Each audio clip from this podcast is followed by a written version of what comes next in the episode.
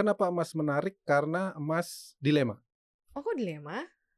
Jadi kondisi saat ini itu sebenarnya menguntungkan buat emas. Mhm, Ada resesi, mhm, resiko resesi ya. Ada perang, mhm. kemudian ada inflasi tinggi. Karena kalau kita lihat kan emas kan sebenarnya ini based on cadangan ya. Cadangannya dikit, permintaannya banyak, jadi kan otomatis sebenarnya harga akan terkerek naik Iya. gitu. Masih kita masih ketidakpastian masih tinggi banget. Kita nggak tahu apalagi perang belum selesai juga Mhm, tapi ini mhm, momentum nih buat emas Koneksi. Konten Ekonomi Seksi. Hai Sobat Cuan, apa kabar? Semoga selalu sehat-sehat ya. Selamat datang di podcast Cuap Cuap Cuan. Hari ini ada koneksi, konten Ekonomi. Seksi. Ya, bareng Maria Katarina Dan juga ada Beli Putu di sini Halo. Tim riset CNBC Indonesia Dan juga ada Yoliawan Produser, lu biasa aja lihat gue. Produser CNBC Hai, hai, hai. Indonesia TV Hari ini kita bahas yang berkilo-berkilo ya Untuk Sobat Cuan semua. Ini special episode juga nih buat Yoliawan ya. Nanti gue kasih sih? tahu kenapa special episode ya. Apakah karena temanya berkaitan dengan emas jadi spesial kayaknya emas deh Mas Yoli kayaknya emas atau Mas Putu ya. Hari ini kita bahas soal masalah emas. Ini menarik untuk kita angkat karena kenapa beli putu? Karena karena faktor apa yang membuat kita menarik untuk bahas ini? Kenapa emas menarik? Karena emas dilema. Oh kok dilema? Jadi kondisi saat ini itu sebenarnya menguntungkan buat emas. Mhm, Ada resesi, mhm, resiko resesi ya. Ada perang, mhm. kemudian ada inflasi tinggi. Yes. Semua faktor-faktor itu sebenarnya bisa membuat harga emas naik. Mhm. Tapi pada kenyataannya emasnya kan turun belakangan ini. Iya benar. Malah turun banyak. Kalau Jadi turun banyak sebenarnya opportunity juga sih ya buat Ya. ambil ya. benar, ada opportunity buat beli tapi saya rasa mungkin ntar dulu. Mhm, Karena penurunannya menurut saya kemungkinan masih akan tajam karena ada faktor bank sentral di berbagai negara yang agresif menaikkan suku bunga kayak gitu. Jadi Mhm. itu yang menyebabkan emas itu berperilaku tidak seperti biasanya. mhm. Mungkin kita starting di tingkat uh, popularitinya emas sebagai aset deh sekarang ya. Kalau menurut lo udah udah di mana sih kalau zaman dulu mungkin 30 40 tahun yang lalu ya zaman nenek kita atau uh, orang tua kita emas tuh jadi aset pilihan banget untuk mereka Hmm, betul. saving, nabung sampai dikumpulin sampai mungkin jadi nanti diwarisin ke anak cucunya gitu ya. Tapi kalau sekarang tingkat popularity untuk milenial Gen Z choose atau milih aset emas sih menurut lo apakah cukup? Ada pikiran gak sih ke situ ah gue mau beli emas ah ah, gue pengen beli emas ah gitu gak sih? kalau emas menurut gue itu menjadi opsi utama gue ya Kalau lo as a personal berarti ya. as personal Mhm. karena apa dari sisi affordability-nya emas lebih terjangkau sama gue Mhm. jadi kalau gue emas tuh ngebayanginnya sama tanah Oke. Kalau tanah oke. gue udah nggak afford lah, paling cuma satu udah cukup investasi ya gila kan, Hmm. berapa m butuhnya. Hmm. Yang bisa gue tabung, yang bisa gue cicil, yaitu emas. Emas tuh dari sisi affordability masih oke. Terus yang Mas beli putu bilang, ya ini juga aset safe haven kan, ini Hmm. aset safe haven udah gitu. Kalau untuk long term, gue masih percaya itu emas gitu. Hmm. Terus dari sisi liquidity-nya juga gampang dicairin, lebih gampang nyairin emas dibanding nyairin properti lo tanah gitu. Tapi Oh kita nggak iya, usah iya, jelas, ngomongin saham. Karena properti tanah kan udah nggak masuk dalam investasi sebenarnya sih. Betul. Udah gitu kalau emang ada juga triknya. Kalau lu nggak pengen jual emas, lu bisa ke pegadaian, Hmm, yaitu hmm, digadein. hmm.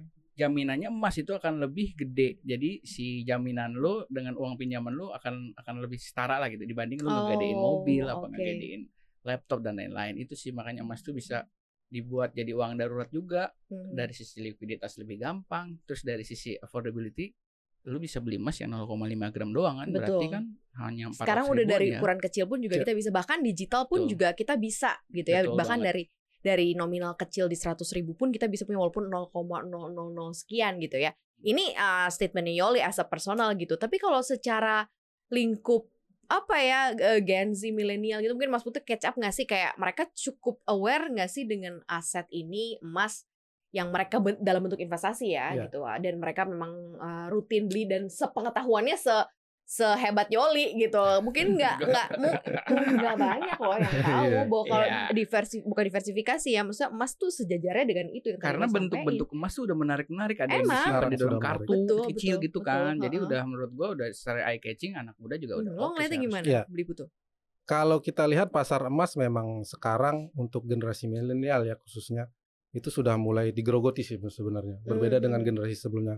Uh, faktor utamanya adalah Bitcoin atau aset kripto karena Hmm, itu yang oke. dianggap Hmm. salah satu masih dalam perdebatan sih Mhm, dianggap apakah ini aset safe haven juga sama seperti emas atau tidak itu itu masih dalam perdebatan tapi kalau kita lihat generasi milenial dan setelahnya itu yang sangat akrab dengan teknologi mereka ada kecenderungan atau kecondongan lebih tertarik ke aset kripto kayak gitu. Mhm. ketimbang emas secara fisik ya. Karena mungkin dianggap terlalu old school kayak gitu. Tapi kalau kita lihat permintaan emas secara global itu sebenarnya masih tetap tinggi karena dia emang satu-satunya aset yang terbukti sebagai safe haven. Mhm. bahkan bank sentral juga tetap terus memborong emas sebagai cadangan devisanya kan. Jadi kalau di generasi milenial saja dan setelahnya saya rasa memang sedikit tergerus ya sudut pandang terhadap emas itu sebagai aset investasi karena adanya uh, aset digital kripto itu sih. Karena kalau kita lihat kan emas kan sebenarnya ini based on cadangan ya. Cadangannya dikit, permintaannya banyak, jadi kan otomatis sebenarnya harga akan terkerek naik Iya. gitu. logikanya. Ya logikanya seperti itu. Tapi kan momen sekarang ini nggak terjadi karena posisinya memang uh, dilema. Nah ini apa yang terjadi di situasional saat ini nih uh, beli putu yang mungkin bisa sobat cuan notice jadi enggak gitu atau mungkin malah jadi ambil opportunity karena harganya lumayan bisa Ya. terkejar gitu jadi mulai gitu ada awareness lagi untuk Ya, bisa punya kalau kita lihat memang pergerakan emas belakangan ini kan turun terus. Itu karena uh, Bank Sentral Amerika Serikat utamanya itu yang sangat agresif menaikkan suku bunga. Bahkan Kamis nanti ada kemungkinan 100 basis poin kayak gitu. Nah, kalau kita lihat Gila, pergerakan juga emas itu belakangan emang sudah mengantisipasi the Fed akan sangat agresif. ya. Mhm. Jadi kalau misalnya the Fed benar menaikkan 100 basis point, saya rasa emas akan turun terus ya, emas uh, dunia Mhm. termasuk emas di dalam negeri juga. Uh, mungkin pelemahan emas di dalam negeri itu tidak sebesar uh, emas dunia ya, karena Hmm. kalau misalnya emas dunia turun satu persen harganya uh, emas di dalam negeri mungkin sekitar 0,8 0,5 karena ada faktor rupiah. Mhm. Ketika Hmm. rupiah melemah, jadi harga emas luar negeri itu lebih mahal. Di, ketika dikonvert ke dalam negeri, jadi harganya tidak turun cukup signifikan. Itu yang menyebabkan Hmm. uh, perbedaan selisih persentase penurunan kayak gitu. Nah, kalau kita lihat misalnya ke depannya atau mungkin di pekan ini nanti The Fed uh, menaikkan suku bunga 75 basis point, kemudian ada indikasi kalau dia melihat inflasi sudah mencapai puncaknya, artinya Mhm. uh, apa namanya laju kenaikan suku bunga itu tidak akan seagresif yang diperkirakan pasar kayak gitu. Nah, di sanalah saya rasa saatnya untuk membeli emas karena Oke, oke. saat ini sudah price in the Fed sangat agresif ketika the Fed menunjukkan oh uh, kita udah akan mulai sedikit mengerem nih kenaikan suku bunga saya rasa itu momentum emas akan naik lagi sih. Hmm, Oke, nah kalau lo ngelihatnya seperti apa nih Yol? Kalau gue ngeliat, ini. jadi gue sempat beba- baca beberapa riset. Jadi ada ada dua momen emas itu melonjak waktu itu Mhm. tahun 2008 ya Mas Putu ya. Iya. Mhm. Karena lagi ada financial crisis Oke. dan kemarin melonjak lagi 2020 Mhm. Karena ada pandemi, Pandemi. Covid. Nah, ini menarik nih ada ada ada beberapa apa namanya? bentuk yang dibuat gitu dari 2008 setelah dia melesat cukup eh, tinggi sampai 1900 kalau nggak salah ya, Mm-mm. hampir mirip-mirip ke 2020. Dia mulai melandai lagi tuh 2008, 2009, 2000 sampai 2014 waktu 2014 2015 The Fed udah mulai naikin suku bunga acuan lagi ya karena Hmm. karena mereka melihat eh, ekonomi udah mulai oke dia mulai Hmm. Emas memang tapi anehnya di situ emas trennya walaupun apa The Fed naikin cukup nggak nggak agresif cuma naikin suku bunga acuan emas tuh nggak terlalu tertekan. Nggak kayak sekarang. nggak nggak nggak kayak sekarang parah. Mhm, mhm. mungkin itu dia eh, terus dia ber- kembali lagi saat 2020 saat ada kok ada covid.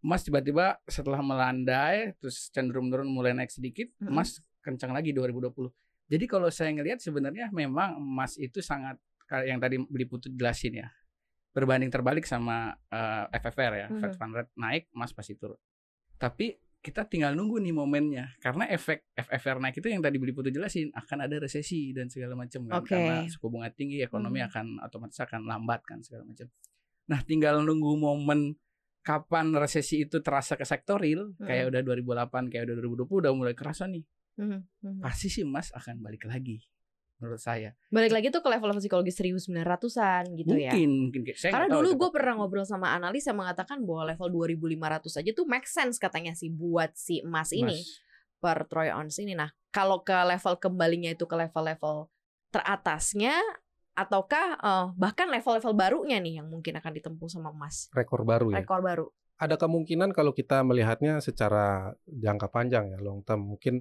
5 atau 10 tahun ke depan itu sangat mungkin. Hmm. Kalau kita lihat eh, pergerakan emas saat ini misalnya ketika mulai menanjak lagi dan berada di kisaran 2000 lah kayak Hmm. gitu. Mungkin belum rekor tapi masih bergerak di kisaran 2000 itu bisa jadi tanda-tanda kalau ke depannya harga emas bakal naik lagi sih. Mhm. bakal naik lagi jadi Iya. ini berarti sekarang kalau lagi kayak begini ya jangan jadi penonton aja dong ya harusnya udah mulai masuk ke apa berpikir untuk mungkin menjadikan aset diversifikasi. Nah, tepat nggak sih sekarang untuk menjadikan emas sebagai aset diversifikasi di tengah mungkin ada eh, saham atau reksadana atau mungkin kripto atau mungkin aset-aset lain yang fluktuasinya berasanya kencang Iya. lah ya gitu. Nah, sekarang emas kan lagi kayak gini nih. Cukup cukup oke nggak sih untuk jadi pilihan diversifikasi? Ya pasti ya, karena kalau kita berinvestasi itu kan tidak di satu tempat saja untuk menjaga stabilitas eh, gain, capital Hmm, gain kita. Ah, ada di pasar saham yang sedikit lebih berisiko, kemudian ada di obligasi bisa dan di emas itu sebagai seperti yang dikatakan Mas Adi eh, bisa likuiditasnya bagus, kemudian eh, gampang lah itu diterima di mana saja, bahkan mungkin eh, di pedesaan pun masih diterima kayak gitu. Mhm. Jadi kita masih memang masih perlu untuk emas. Kalau misalnya obligasi ataupun saham mungkin tidak semua orang yang tahu kan, tapi kalau Mhm, emas mhm. ya di mana-mana orang pasti tahu emas. Jadi memang emas itu kita uh, perlulah untuk beberapa porsi berapa persen porsi Mhm. investasi kita itu di emas itu masih cukup perlu sih saya menurut saya. Nah, kalau lo sendiri kalau sekarang nih posisi sekarang lo menambah porsi atau seperti apa? Kalau ini gue subjektif aja strategi gue nih kalau Hmm. lagi lagi sekarang ngamanin aset. Gue itu hampir 50% dari total dana tuh gue pasar uang. Karena gue Lo konservatif. konservatif banget.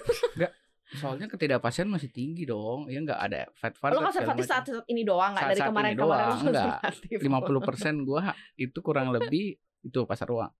30 persennya itu gue lari ke emas. Tapi gue sistemnya tuh gue nabung. Gue misalnya gajian nih, Mm-mm. gue beli emas, beli emas ah 2 gram, 1 Hmm. gram, 2 gram, 1 gram terus. Jangan gak usah kita pikirin. Oh, lo bentuknya fisik ya? fisik. Gue Oh, lebih fisik, prefer oke. fisik yang ada card-card gitu loh. Iya, lebih iya, enak. iya, iya, iya. Baru sisanya sekitar 20% lagi itu baru lari mungkin kayak agresif dikit lah. Mau kripto boleh. Hmm. Agresif Mau lo kripto langsung. Saham enggak, tapi gue enggak ya. Gue hanya saham nih.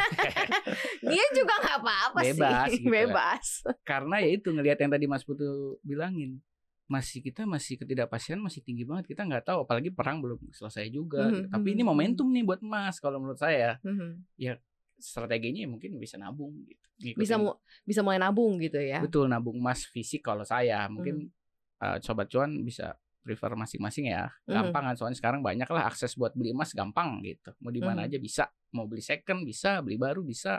Ke Antam, ke Pegadaian, ke Harta Dinata atau mau yang online Betul, online betul, bisa. betul, betul, gitu. betul, betul. Tinggal pilih. Cuman kan kadang mindset investasinya kan geser banget nih beli putus sekarang kan karena orang tuh kalau ngelihat investasi ya harus menguntungkan bahkan mereka kalau bisa menguntungkan secepat mungkin Hmm. gitu kan. Hmm. Secara immediately kalau bisa bulan depan atau besok gitu kan nguntungin ya barulah masuk ke Ya. aset itu gitu. Sementara kan emas ini variabel atau al- apa aset investasi yang berbeda lah. Maksudnya bukan berbeda, dia faktornya safe haven lindung nilai, melindungi eh, uang begitu kan. Mungkin bisa dijadiin eh, diversifikasi juga jadi dana darurat juga gitu kan mungkin untuk kehidupan eh, untuk keuangan eh, sobat cuan gitu. Nah, ini gimana sih eh, dengan mindset-mindset Apakah memang masih cukup relevan bahwa emas ini investasi? Pertanyaan aku sih sebenarnya lebih Iya. ke situ. Ataukah ini memang cuma aset lindung nilai ya nggak terlalu akan signifikan kok bedanya Betul. which is lo beli di sekarang 1600 per troy ounce nanti jual belum tentu 1700 Benar, siapa tahu ada 1000 harga jual Ada harga buyback. beli kan. Iya. Ada buyback benar. bener gak? Ya kalau kita bicara investasi itu bukan bulan ya, bahkan Hmm. mungkin satu tahun itu belum investasi mungkin. Investasi itu pasti jangka panjang, bukan cuman eh, satu dua tahun kayak gitu. Kalau Jadi misalnya, not nih. Kenapa? Harus jangka panjang nih. Iya. Investasi itu Benar. jangka panjang. Investasi itu jangka panjang. apalagi Kalau emas bener kan? iya, Betul. Nah, apa pun itu investasi pasti jangka panjang. Mhm. Kalau saham juga investasi pasti kita pegang untuk jangka panjang. Kalau misalnya satu bulan lepas, dua bulan lepas itu namanya trading sih. mhm. iya Jadi- iya betul betul. Jadi Walaupun ada sih trading emas juga ada sih ya. ada trading emas itu ada. Itu ya se- lebih beresiko lah. Mhm, Itu hampir mhm, sama kayak mhm. saham, high risk high return kalau trading emas online ya. Balik lagi kalau investasi itu emang harus jangka panjang. Kalau mindset kita untuk cepat kaya kayak gitu ya jangan di emas. Mhm. Karena itu pasti memerlukan waktu yang lama. kalau mau cepat kaya ya trading mungkin misalnya di pasar saham bisa trading satu dua hari arah dua kali pergi ya Mhm.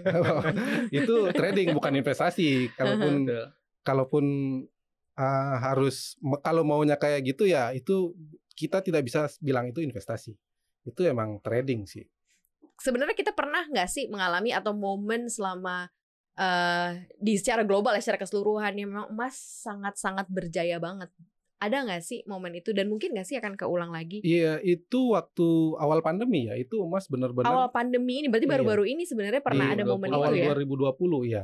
Itu kan uh, emas mencetak rekor lagi kan di 2020. Tapi di awal-awal juga dia sempat turun kemudian naik lagi karena uh, yang pertama faktor utamanya adalah stimulus moneter dari Bank Sentral Amerika Serikat. Nah, uh, setelah stimulus moneter selesai, periode menaikkan suku bunga ya history repeat itself. Jadi 2011 uh, 2008 sampai 2011 Mhm. itu the Fed uh, apa namanya QE stimulus moneter emas naik terus kemudian dikurangin stimulusnya tapering istilahnya Mm, kemudian mm, mm. naikin suku bunga turun lagi yang terjadi di 2020 juga sama kayak gitu stimulus naik rekor Mhm. nah sekarang the Fed naikkan suku bunga turun lagi nah ketika uh, nanti mungkin ya semoga tidak kayak gitu tapi kemungkinan besar akan terjadi Amerika Serikat misalnya akhirnya resesi Mhm. uh, the Fed akan balik lagi menurunkan suku bunga asal uh, inflasinya sudah menurun kayak gitu, udah mulai tanda-tanda menurun. Uh, jadi the Fed akan kembali melonggarkan kebijakan moneternya. Nah, emas kemungkinan akan berjaya lagi karena kan siklusnya kayak gitu. Ketika Mhm. the Fed melonggarkan kebijakan moneter, emas naik. Mhm. Diketatkan turun lagi. Kemudian uh, sekarang periode pengetatan emas masih turun. Ketika nanti mulai dilonggarkan lagi, emas bisa take off lah. Oke, nah sekarang ini lagi momen-momennya sebenarnya betul. ya, untuk bisa dilirik dan juga diperhatikan ya uh, sobat cuan ya khususnya untuk emas. Nah, bisa juga nggak sih misalnya sobat cuan kalau menurut kacamata lo melakukan juga uh, realisasi ketika ada momen-momen kayak gitu. Misalnya sekarang di 1600 terus tiba-tiba nanti swing ke 1900 terus realisasi gitu. Atau ya memang setup waktu gitu kayak 10 tahun aja nanti karena ini uh, investasi ini untuk nanti gue mau ke luar negeri atau nanti gue mau buat anak sekolah gue eh, sekolah anak gue atau seperti apa? Ya mungkin gue nambahin Mas Putu dikit. Intinya kuncinya kalau the Fed-nya itu udah mulai longgar, tapi ekonomi itu berantakan, emas pasti naik. Udah kuncinya itu udah mirip-mirip ngelihat aja 2020. The Fed Hmm. ultra longgar kan, ke, apa kebijakan moneternya 0% ya beli putu kalau nggak sampai hampir Iya. 0% ya segala macam. Ekonomi berantakan karena Covid. Hmm. Orang nggak bisa ke mana-mana, ekonomi mati. Itu pasti orang larinya akan ke emas. Itulah kuncinya. Terus tapi nah kalau gue mindsetnya bukan beli emas, wah emas lagi turun nih, aku beli ah Hmm. gitu. Cari bottomnya kapan ya gue borong emas ya. Hmm. Kalau gue sih nggak kayak gitu. Gue lebih konsepnya yang kayak tadi lo jelasin Kak Maria. Emas itu untuk menggantikan cara gue nabung gitu. Hmm. Karena lik- melikuidasikan atau mencairkan emas kan nggak segampang gue nabung di bank kan. Gue tinggal ambil pakai ATM kelar gitu.